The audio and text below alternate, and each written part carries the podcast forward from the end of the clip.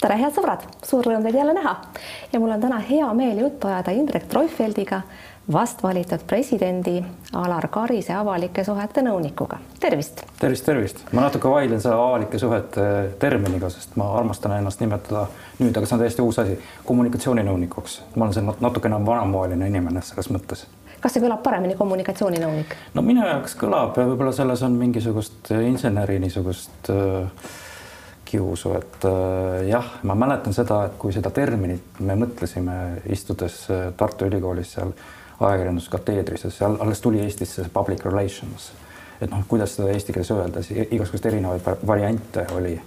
Ja siis noh, lõpuks nüüd eestikeelne terminoloogia kujunes, nii et noh, minu jaoks on see kuidagi jah, ma ei tea tundub see kommunikatsioon. suhted kõlab iseenesest ka hästi eestipärasemalt vähemasti. no avalikud, avalikud, avalikud asjad, mis on avalik, noh, ilmselt tuleb tegeleda ka sellega, mis ei ole avalik ja mõelda, kuidas, kuidas seda kommunikeeritakse. küllap, aga läheme asja juurde, jätame sõnad praegu kõrvale, jätame lihtsalt meelde, mis on teie eelistus. Äh, tahaksin kõigepealt küsida, miks te selle ameti üldse vastu võtsite, teil oli ju elus kõik korras, kõik oli hästi, isegi mugavasti sätitud mm. -hmm ERR-is ei olnud koormus ülearu suur, õppejõutööd saite teha, küllap saite hästi jagada eraelu ja professionaalset elu, nüüd pöördub kõik pea peale, milleks teile see?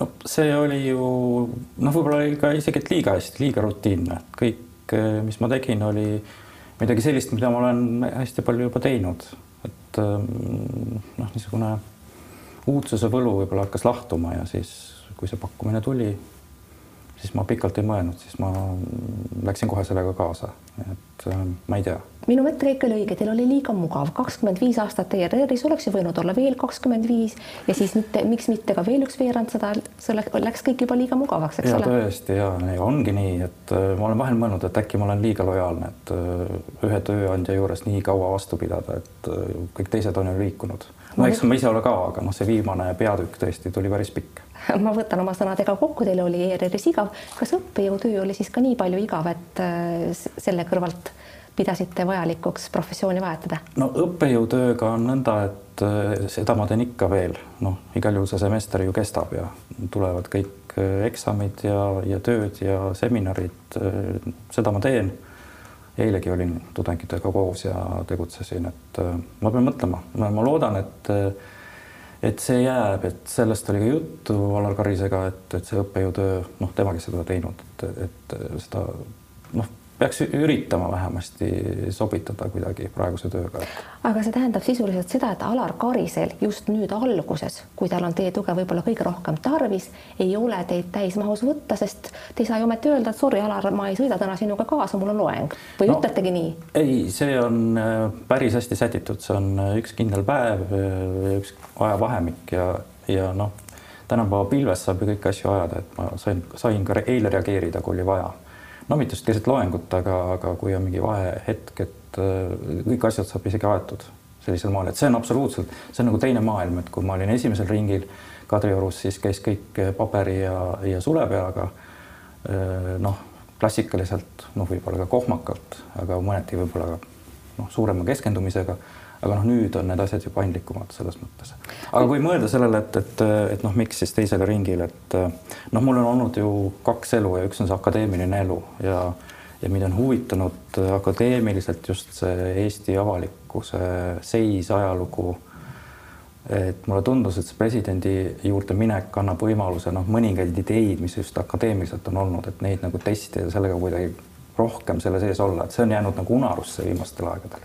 kui juba jutt läks selle peale, et olete tõepoolest olnud ka Lennart Meri pressiesindaja siis päris hea hulk aastaid tagasi, kuid selles ametis te pidasite vastu vaid ühe aasta ja ma kahjuks ei mäleta peast, millega see teie ametiaeg seal lõppes, kas saite kinga, läksite ise ära? Läksin ise. miks?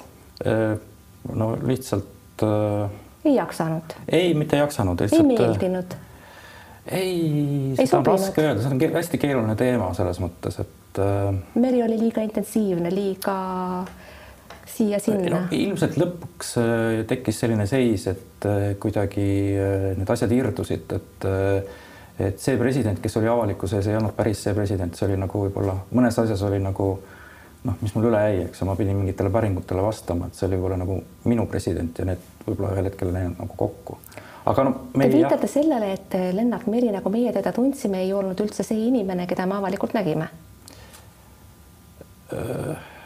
raske öelda, see on, ma arvan, et ongi natuke kahju, et seda tema epohhi on tegelikult vähe analüüsitud, et äh, mis ja kuidas, noh, Mihkel Mutt küll kirjutab temast omas võtmes aga no seda peaks analüüsima, aga ma ütlen, et äh, minu jaoks oli see noh, ma mõtlen, no ikka päris absurd, et äh, minna kahekümne viie aastasena vabariigi presidendi teenistusse, noh, see on noh, ma, ma mõtlesin seda, et kui ma see kerisin kakskümmend viis aastat tagasi ja mõtlesin, milline jumbu ma olin Eesti Televisioonis, et see oli no täiesti nagu laps alustab oma, oma arglikku rada, eks ju, telemaastikul aga enne seda ma olin juba Lennarti juures, noh, enne seda ma olin ka raadios, Eesti Raadios, tollases Eesti Raadios äh, ajakirjanik. aga ärgem unustagem, et siis olite te ka tublisti noorem kui praegu. no pool elu tagasi. eks ole, mis tähendab seda, et tegelikult te teate väga hästi, see amet nõuab särtsu, särtsakust, see tähendab mm. eraelust loobumist, te hakkate oma last nägema ainult magavana, abikaasaga kohtute ainult erandjuhtudel, olete te selleks kõigeks valmis? särts, sära, energia, tohutu pinge Te olete pigem ju flegmaatik, andke andeks või ma eksin? no ja, jah, aga särts võib olla ka sissepoole ja, ja noh, mingid mõttekäigud, noh, millest kõigest ei saa ju rääkida. juba aga, hakkab pihta? ei no jah, nüüd aga lähen nüüd praegu ka siin äh, lähen koju, olen, olen pojaga koos ja, ja siis. ja ütlete talle, et me isa näed järgmisena, ma ei tea, kahe nädala pärast? ei, siis me ajame natuke asju koos ja, ja, ja kui on vaja mingid küsimused mis on õhus ära otsustada, siis neid saab kiiresti teha. ja siis õhtul on äh, Riia poole sõit. esimesele visiidile, mis algab siis Riiast ja jõuab Soome välja nagu lubatud ühe päeva jooksul? Äh, jah, me sõidame küll eeltaktina Riiga valmis. Riiga siis... ööbima maksumaksja raha eest. no mis sa ikka teed. nii, ja selle ja kuidas edasi läheb? ja siis alustame jah, hommikul programmi äh, kõigepealt siis Läti presidendiga ja sõidame lennukiga Helsingisse ja Helsingis kohtume siis äh, Soome presidendiga. niisugune tutvumisvisiitide rida hästi, et nagu lubatud ühe päeva jooksul. ühe päeva jooksul. aga ma pööraksin korral presidendi isiku juurde tagasi ja teie väidetava flegmaatilisuse juurde, millega te ei vaielnud. ma arvan, et selles võib olla teid Alar Karisega ka on selline ühendav joon, et te olete mõlemad sellised hästi rahulikud ja et kas ma peaks siis nüüd järeldama, et Kadriorust hakkab tulema hoopis teistsugune vibe kui seni, sest olgem ausad, Kersti Kaljulaid oli siiski ekstraordinaarne president, esiteks ta oli väga noor mm -hmm. võrreldes presi teiste presidentidega, ta oli naine, aga nüüd siis nagu selline natukene rahulikum, noh, võib-olla isegi uimasem noh, uimasus, mis see uimasus on, et äh, uimasuses võib olla ka ratsionaalsust, et sa ei lähe närvi iga asja peale. Ja sa natuke mõtled, mida sa ütled. Ja sa mõtled ka teiste peale, et äh, kõik need konfliktid on ju sageli seotud väga paljude osapooltega. et mõelda nii, et keegi ei tunneks noh, ennast nii-öelda lavalt lükatuna, et äh, aeg on ju keeruline. et ma arvan, et sellest on, sellest on ei noh, mitte olla liiga emotsionaalne, olla pigem ratsionaalne tuua mingid argumendid välja, tõestada või, või siis ka jah, selgitada niisuguste argumentidega, millel on ka kaalu, mis ei ole spontaansed, mida peab pärast nagu kõvendama. näen ma siin teatud äh, varjatud kriitikat Kersti Kaljulaidi suunas või ma ei, mõtlen selle juurde? ei, sugugi mitte, minu arust oli see väga sädelev aeg just nimelt äh, nendel põhjustel, mida te juba mainisite. ja noh, ikka selles reas väga suurepärane selles mõttes ja noh, see, see kõlab ju nii noh, jah, ikkagi meil on naispresident olnud, et selle üle tuleb tunda uhkust.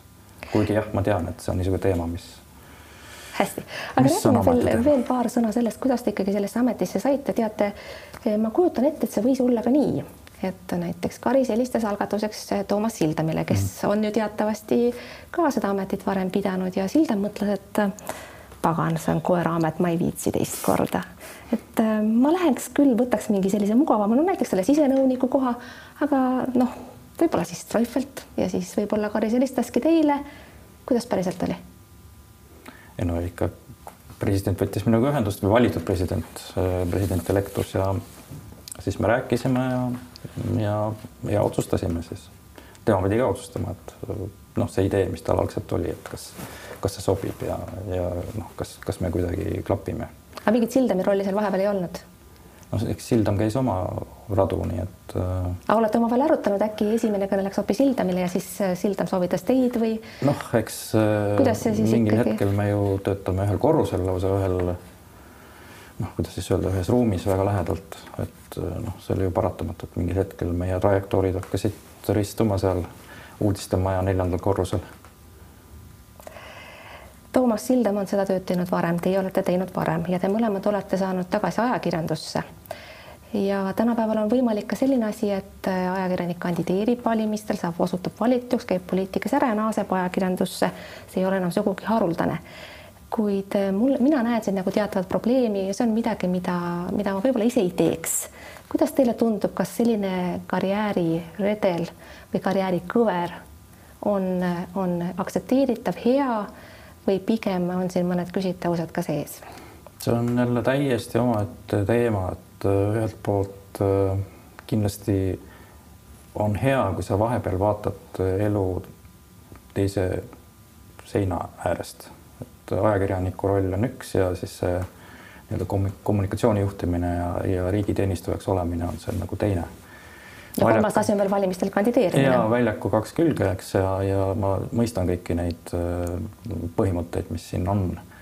tuleb küll öelda, et noh, Lennarti puhul äh,, Alar Karise puhul jah, hetkel me, mis meil teada on, eks me räägime sellest, et, et me nende poliitilisi vaateid nagu ekstra ei, ei, ei ole lahanud ja me oleme selles teadmises elanud, et nad on ikkagi justkui presidendid äh, kes on apoliitilised ja, ja justkui kuigi see on absurdne, justkui kogu, kogu rahva presidendid, et muidugi see kogu rahva president kõlab, see, see on hästi pateetiline ja, ja, ja ju vabariigi president ju oma kõnes ka ütles, et, et see on niisugune idealistlik ettekujutus. muide, kõne, kõne juurde me jõuaksime veel täpsemalt, kui lubate, aga ikkagi see võimaliku tagasituleku teema ajakirjanduse silda me varjanud minu meelest ka oma lahkumisjutukeses, mis ERR-is ilmus, et ta loodab seegi kord. Kadriorus ära käia ja tagasi tulla, kuidas teiega on? Eh, no see on nüüd, no see on, ütleme, siin võib tohutult teoritiseerida, et noh, võime ju öelda, et kõigepealt Eesti ajakirjanduse teatud probleem on niisugune varjatud poliitilisus, et noh, ajakirjanikud ajavad mingisugust eh, ideoloogilist liini ja siis samal ajal nad ütlevad, oi, ma ei, ma olen kõigi, kõigi jaoks, ma olen sõltumatu ajakirjanik, et seda me näeme ju tegelikult ajakirjanduse veergudel, saadetes noh, niisugune ajakirjanduslik aktivism, aetakse mingit asja, ükskõik. mõned nimed, palun. ja ma nimesid ei hakka nimetama, et mis ma tahan öelda, et eh, kohati jah, ajakirjanduses need asjad peaksid ka selged olema ja täiesti normaalne on, et me teame, et ajakirjanduses eh, lööb laineid mõni sotsiaaldemokraatlik hing või mõni sügavalt konservatiivne või mõni liberaalne ajakirjanik, see on ju täiesti normaalne. mujal maailmas, Euroopas me näeme, on terved ajakirjandussüsteemid, kus seda peetakse normaalseks ja eluterveks ajakirjanduseks et on väljaanded, mis on selgelt ennast poliitiliselt määratlenud ja mis on ka juba põlvkonniti populaarsed, edukad ja nii edasi, see ongi selle nii-öelda elurikkuse, poliitilise elurikkuse garantii, aga noh, Eestis natuke on, et noh, see, see meie ajakirjandussüsteem on niimoodi, et pigem me oleme teenindajad, me teenindame, me osutame teenust, ajakirjanduse teenust avalikkusele, see on see kontseptsioon, mis on Eestis, nii et nimetatakse klientistlikuks ajakirjanduseks ja keegi ei kipu ütlema, et oi, meil sinna, ma ei tea, Päevaleht või Ekspress või Postimees on ühe või teise sellise teatud mõttesüsteemi kandja. hästi, võib-olla päris sinna me ei jõua praegu minna, ma saan aru, me jõuaksime teoreetilise aruteluni, mida oleks huvitav pidada, aga ei mahu siin Saksa ajakirjandustüüp, Prantsuse ajakirjandustüüp, Skandinaavia ajakirjandustüüp. just, aga millele ma ikkagi tahaks konkreetset vastust saada, et kas teie näete ennast äh, Kadriorust, Kadrioru kantseleist tagasi tulemas ajakirjandusse? See on see küsimus, millele ma tahaks vastust saada. noh, see, see on juba niisugune igavikuline küsimus ses mõttes, et noh poole elu tagasi olin ma äh, kantseleis Lennart Meri juures, nüüd siis ma tunnen kohati ennast nagu Metuusala. et see tundub, noh, ma ei tea, ma ei mõtle selle peale hetkel. hästi, te ei tea seda praegu? ei tea. Teil on veel üks selline huvitav amet, ametikoht, te olete alates kahe tuhande kaheksandast aastast toomkoguduse juhatuse esimees. Kuidas see ametikoht, see positsioon mõjutab teie tööd Kadriorus? hetkel ma enam ei ole Toomkoguduse juhatuse esimees, kuna olid just valimised ja, ja minu töö võttis üle Riivo Sinijärv. ah, sina ei olegi enam seal? ja, ja mm, -hmm. aga no ma olen ikkagi Toomkoguduse juhatuses. ja kui kirikuasjadest rääkida, siis äh, luteri kiriku süsteem on selline, et noh, luteri kirik on rahvakirik mis tähendab seda, et kogudusi juhib koguduse rahvas. Ja, ja kõige kõrgem organ on siis koguduse nõukogu ja koguduse juhatus, noh, natukene nagu meil ka tavapoliitikas on, noh, sama süsteem. Ja sellisel ühiskondlikul alusel olen ma jah, seda tööd päris pikalt teinud. Ja toomkogudus on ju auväärne, auväärne kogudus igas mõttes, piiskoplik kirik. Kes sellega vaidleks, kuid küsimus on see, et kuidas see mõjutab teie praegust tööd, et Alar Karis positsioneeris ennast kiriku suhtes kohe algusest nõnda, et riik ja kirik peaksid olema lahus. Selle tulemusena kohtus ta kirikuisadega juba veel enne ametisse astumist. et missugust nõu teie talle sellises olukorras annaksite, kuidas peaks neid asju ajama?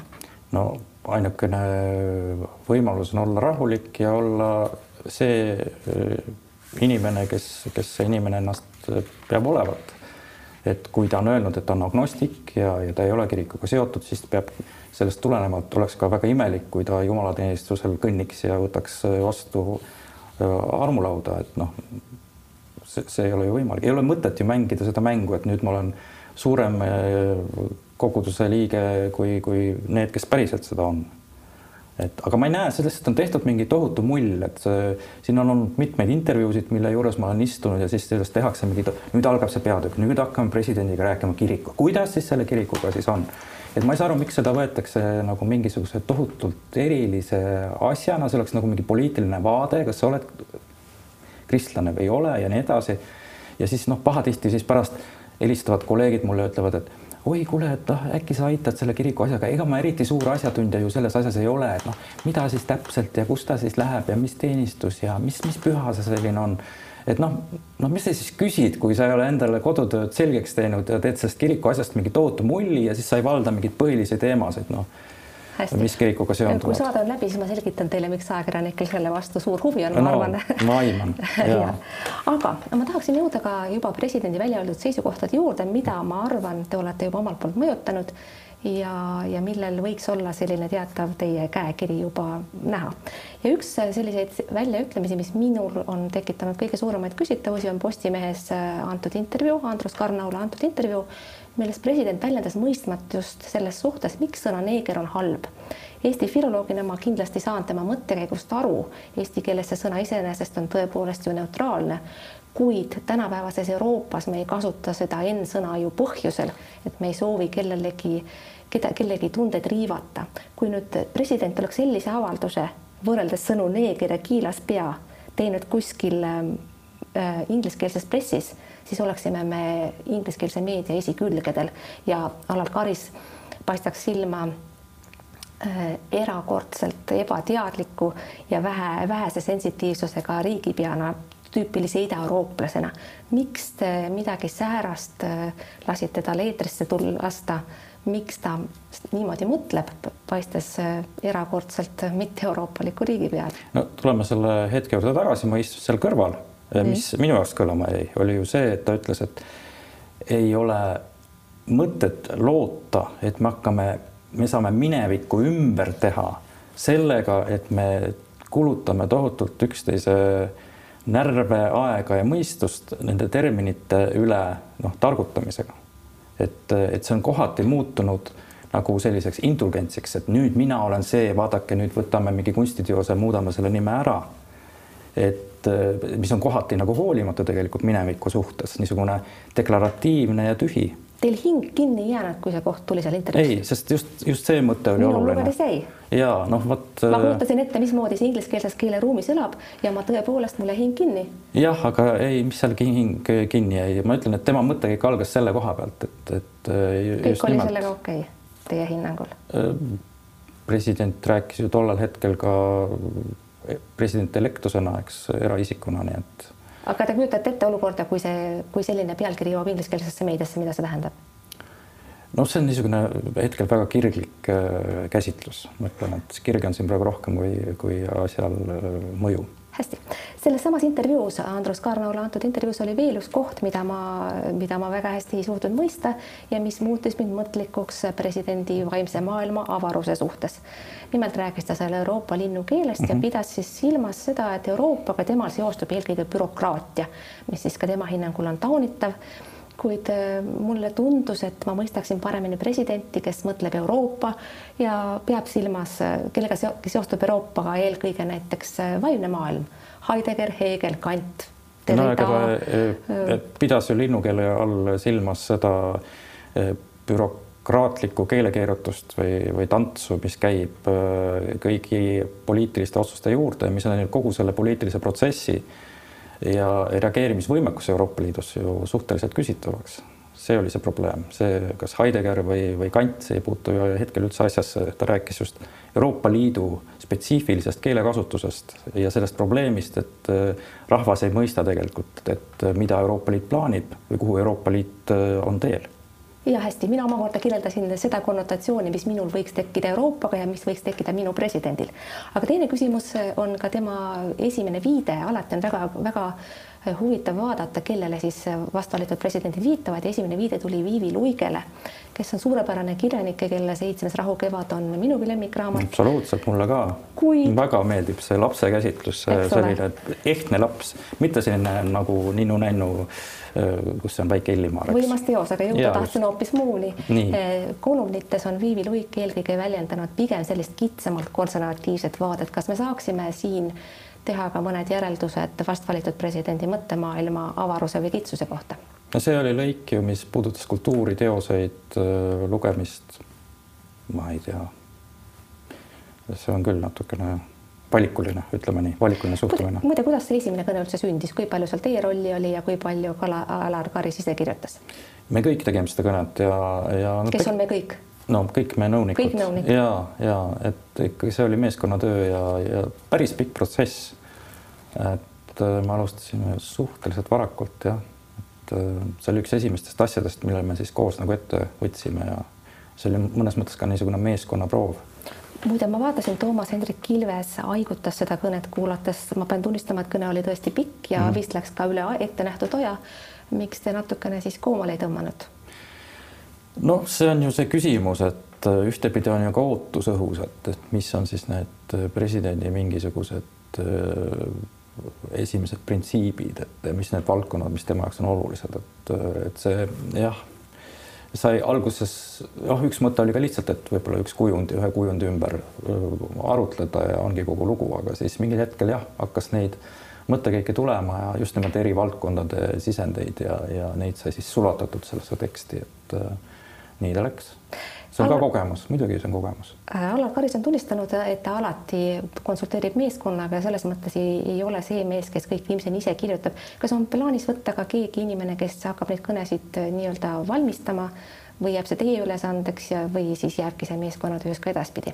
See on raske, mis raske, see ei ole raske küsimus, see on lihtsalt ütleme, see on, see on kõik klapitamise asi veel, et see on meie jaoks uus. Te ei tea veel täpselt, kuidas. ei tea, jah, elu näitab, elu näitab ja kuidas äh, noh, üks on oluline, et, et mingeid mõttekäike jälgida, vaadata, arendada, koguda ideid, et noh, ja see on igapäevane töö, et ja selleks on vaja ilmselt aega presidendil, ma arvan, et mingid esimesed nädalad, et just äh, ka settiksid esi, esialgsed mõtted ja, ja, ja saaksime nagu edukalt edasi minna arusaadav, kindlasti mul on võimalus teie käest edaspidigi küsida, kes siis selle või teise kõne kirjutas ja kui palju seal Karis enda mõtteid no, on. vastus on see, et see on ju Vabariigi Presidendi kõne. jah, noh, mida oleks muud oodata ka olnudki. aga tahaks veel lõpetuseks küsida, kas Tanel Kiik sai siis eile Kadriorus tubli peapesu ja kas selle peapesu tulemusi saame varsti näha ka vaktsineeritud inimeste hulga suurenemises? noh, seda tuleb vaadata ju tervikpildis, et kui eilset päeva mõelda, jah sümboolselt on see oluline, et äh, alustame kõigepealt viirusega, eks, ja praegu ei ole ju muud teemat kui see taudi küsimus, et kuidas sellega hakkama saada. aga äh, sel samal päeval oli ju ka teadusnõukoguga koos istumine, et noh, tuleb vaadata tervikus ja siin veel mingisuguseid muid äh, infokilde, mis jah, et nii, ma ei saa öelda, et nüüd jah, tuli Tanel Kiik ja siis kohe asusime tema persooni lahkama või, või tema rolli et.... no see oleks tegelikult ka kohane, ma iseenesest muidugi küsiksin, kas Kaja Kallasega ei peaks ka sel teemal rääkima, tema valitsusjuhina siiski ju vastutab eelkõige selle eest. nojah, vot äh, sellega on ju nii ja naa, et äh, no, on, on mingi nagu ettekujutus, et, et mingisuguste inimeste lahtilaskmine või paigutamine või ümberpaigutamine justkui annaks meile mingisuguse tõhusa mingi ravumi, mille, mis siis kõik lahendab kõik vaevad, mis meil ühiskonnas on nagu kuhjunud ja kerkinud, et see on hästi keeruline teema. ja tuleb siin mõista seda tülpimust ja, ja, ja pettumust ja noh, mis võib ju lugeda juhtkirju ja, ja kolumne, aga aga see on nurjatu probleem, nagu on olemas wicked problem, niisugune termin filosoofias, et äh, ükskõik, kuidas sa seda ei lahenda, seda viiruse, viirusega võitlust, siis ikkagi on, ikkagi on kehvasti tegelikult veel lõpetuse poole tüürides selline küsimus, kui Eestis tekkis esimest korda väga teraval kujul probleem sõnavabadusega, siis Kersti Kaljulaid presidendina võttis julgelt ja ühemõtteliselt sõna olen Alar Karise esinemisi vaadates mõelnud, kas tema teeks midagi sarnast. tõenäoliselt võib selline probleem uuesti ühiskonna, Eesti ühiskonnas tekkida näiteks juba järgmiste Riigikogu valimiste järel, kui valitsuse koosseis muutub. Mis te arvate, kas ta võtab sõna sõnavabaduse kaitseks ja kuidas ta võiks seda teha? seda tuleb äh, vaadata, kui see olukord kerkib ei saa, me ei saa siin mingisugust universaalset valemit või algoritmi välja töötada, et läheb kohe, vajutame nupule ja see töötab. tuleb analüüsida, aga noh, üks nagu oluline mõttekäik on see just see erakondlikkus, eks, et tegelikult kõik poliitilised vaated peavad kõlama, jääma või peavad, peab olema see, mis, mida me nimetame erakondlikkuseks ja noh, siin tuleb vaadata ja loomulikult, kui midagi kriitilist tekib, siis tuleb ka vastavalt reageerida ülearu aga... konkreetne see vastus ei olnud, aga ma saan aru, võib-olla ta täna ei saagi olla. Indrek Trahvelt lõpetuseks viimane küsimus. Alar Karise sõnum on olnud, et tahab olla lepitaja, tasakaalustaja mm -hmm., noh, keda me siis nüüd hakkame lepitama, keda tasakaalustama, mis siis on see probleem, mida ta lepitajana, tasakaalustajana lahendama hakkab kui president? palun no. lühidalt võtame lihtne näide, suhtumine vaktsineerimisse või see, ütleme, see on riigisisene lõhe, erinevad leerid või samamoodi on tekkimas ka meil äh, niisugune kultuuriline ja, ja noh, ma ei ütleks välispoliitiline, ütleme väliskaubanduslik või või, või olmeline lõhe, et kui tekib see probleem, et me oleme mingisugune eriline urgas siin, kuhu lihtsalt kõik organisatsioonid ütlevad, et me ei tohi reisida, siis see on ka lõhe. Eesti on ka siis seotud ühe suure lõhega, mis, mis takistab teatud valdkondadel Eestis arenemast ja, ja õitsemast ma saan aru, president on vaktsineerimise teemat võtnud südamega ja selle üle mul on ainult hea meel. edasised teemad selguvad siis äh, teie ja presidendi ja kogu meeskonna tegevuse käigus. Indrek Toifelt suur,, suur-suur tänu, et tulite stuudiosse, soovin teile uues ametis edu, õnne ja natuke vedamist ka. head sõbrad, aitäh, et te vaatasite, vaadake teinekord ikka jälle, olge terved, kuulmiseni, nägemiseni